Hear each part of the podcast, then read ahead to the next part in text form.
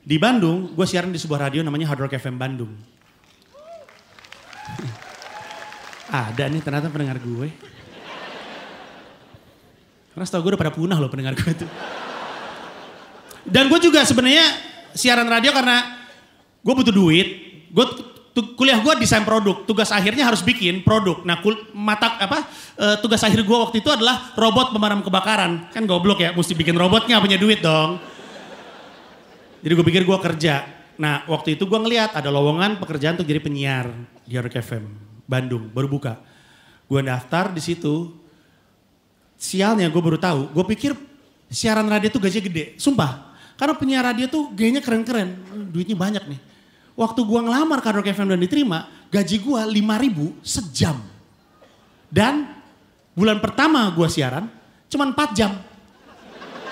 Dua hari, dua jam, dua jam. Siarannya juga jam 12 malam sampai jam 2. Yang dengerin cuma pocong sama bencong.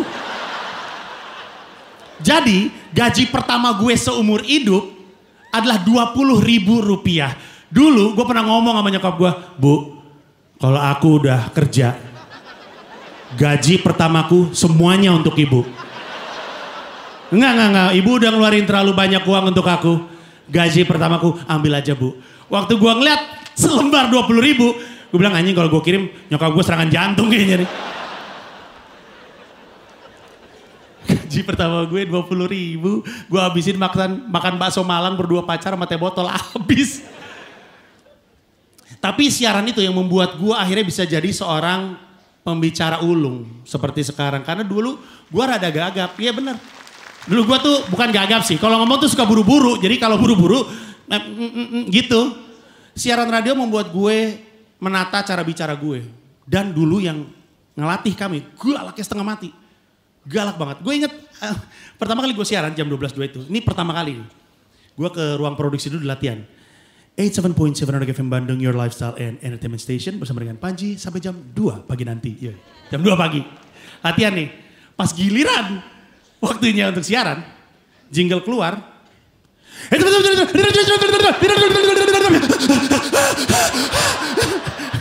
Panik gue. Tiba-tiba telepon masuk, kert kert, gue pikir gokil, ada yang request nih.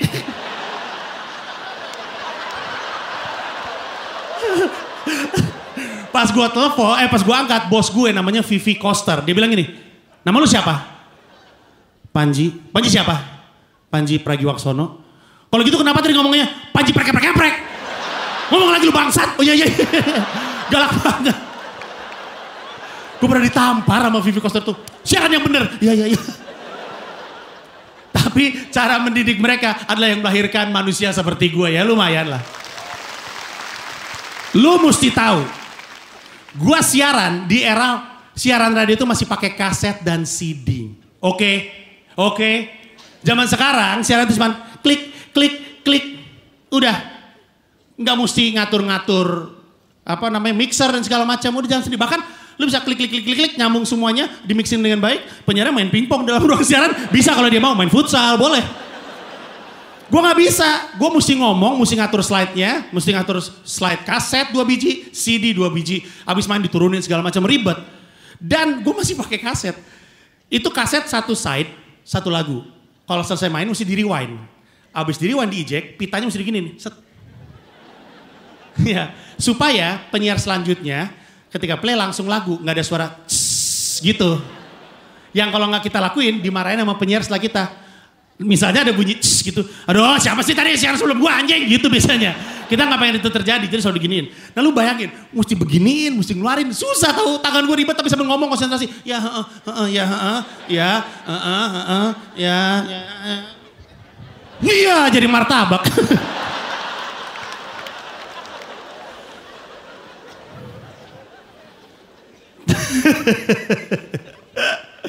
itu barusan joke favorit gue. Yang gue paling suka adalah reaksi dari anak-anak stand up. Anjing. Kok gitu punchline-nya. Harus gitu, harus gitu. Beatles saja ada obladi oblada. Ya udahlah ya.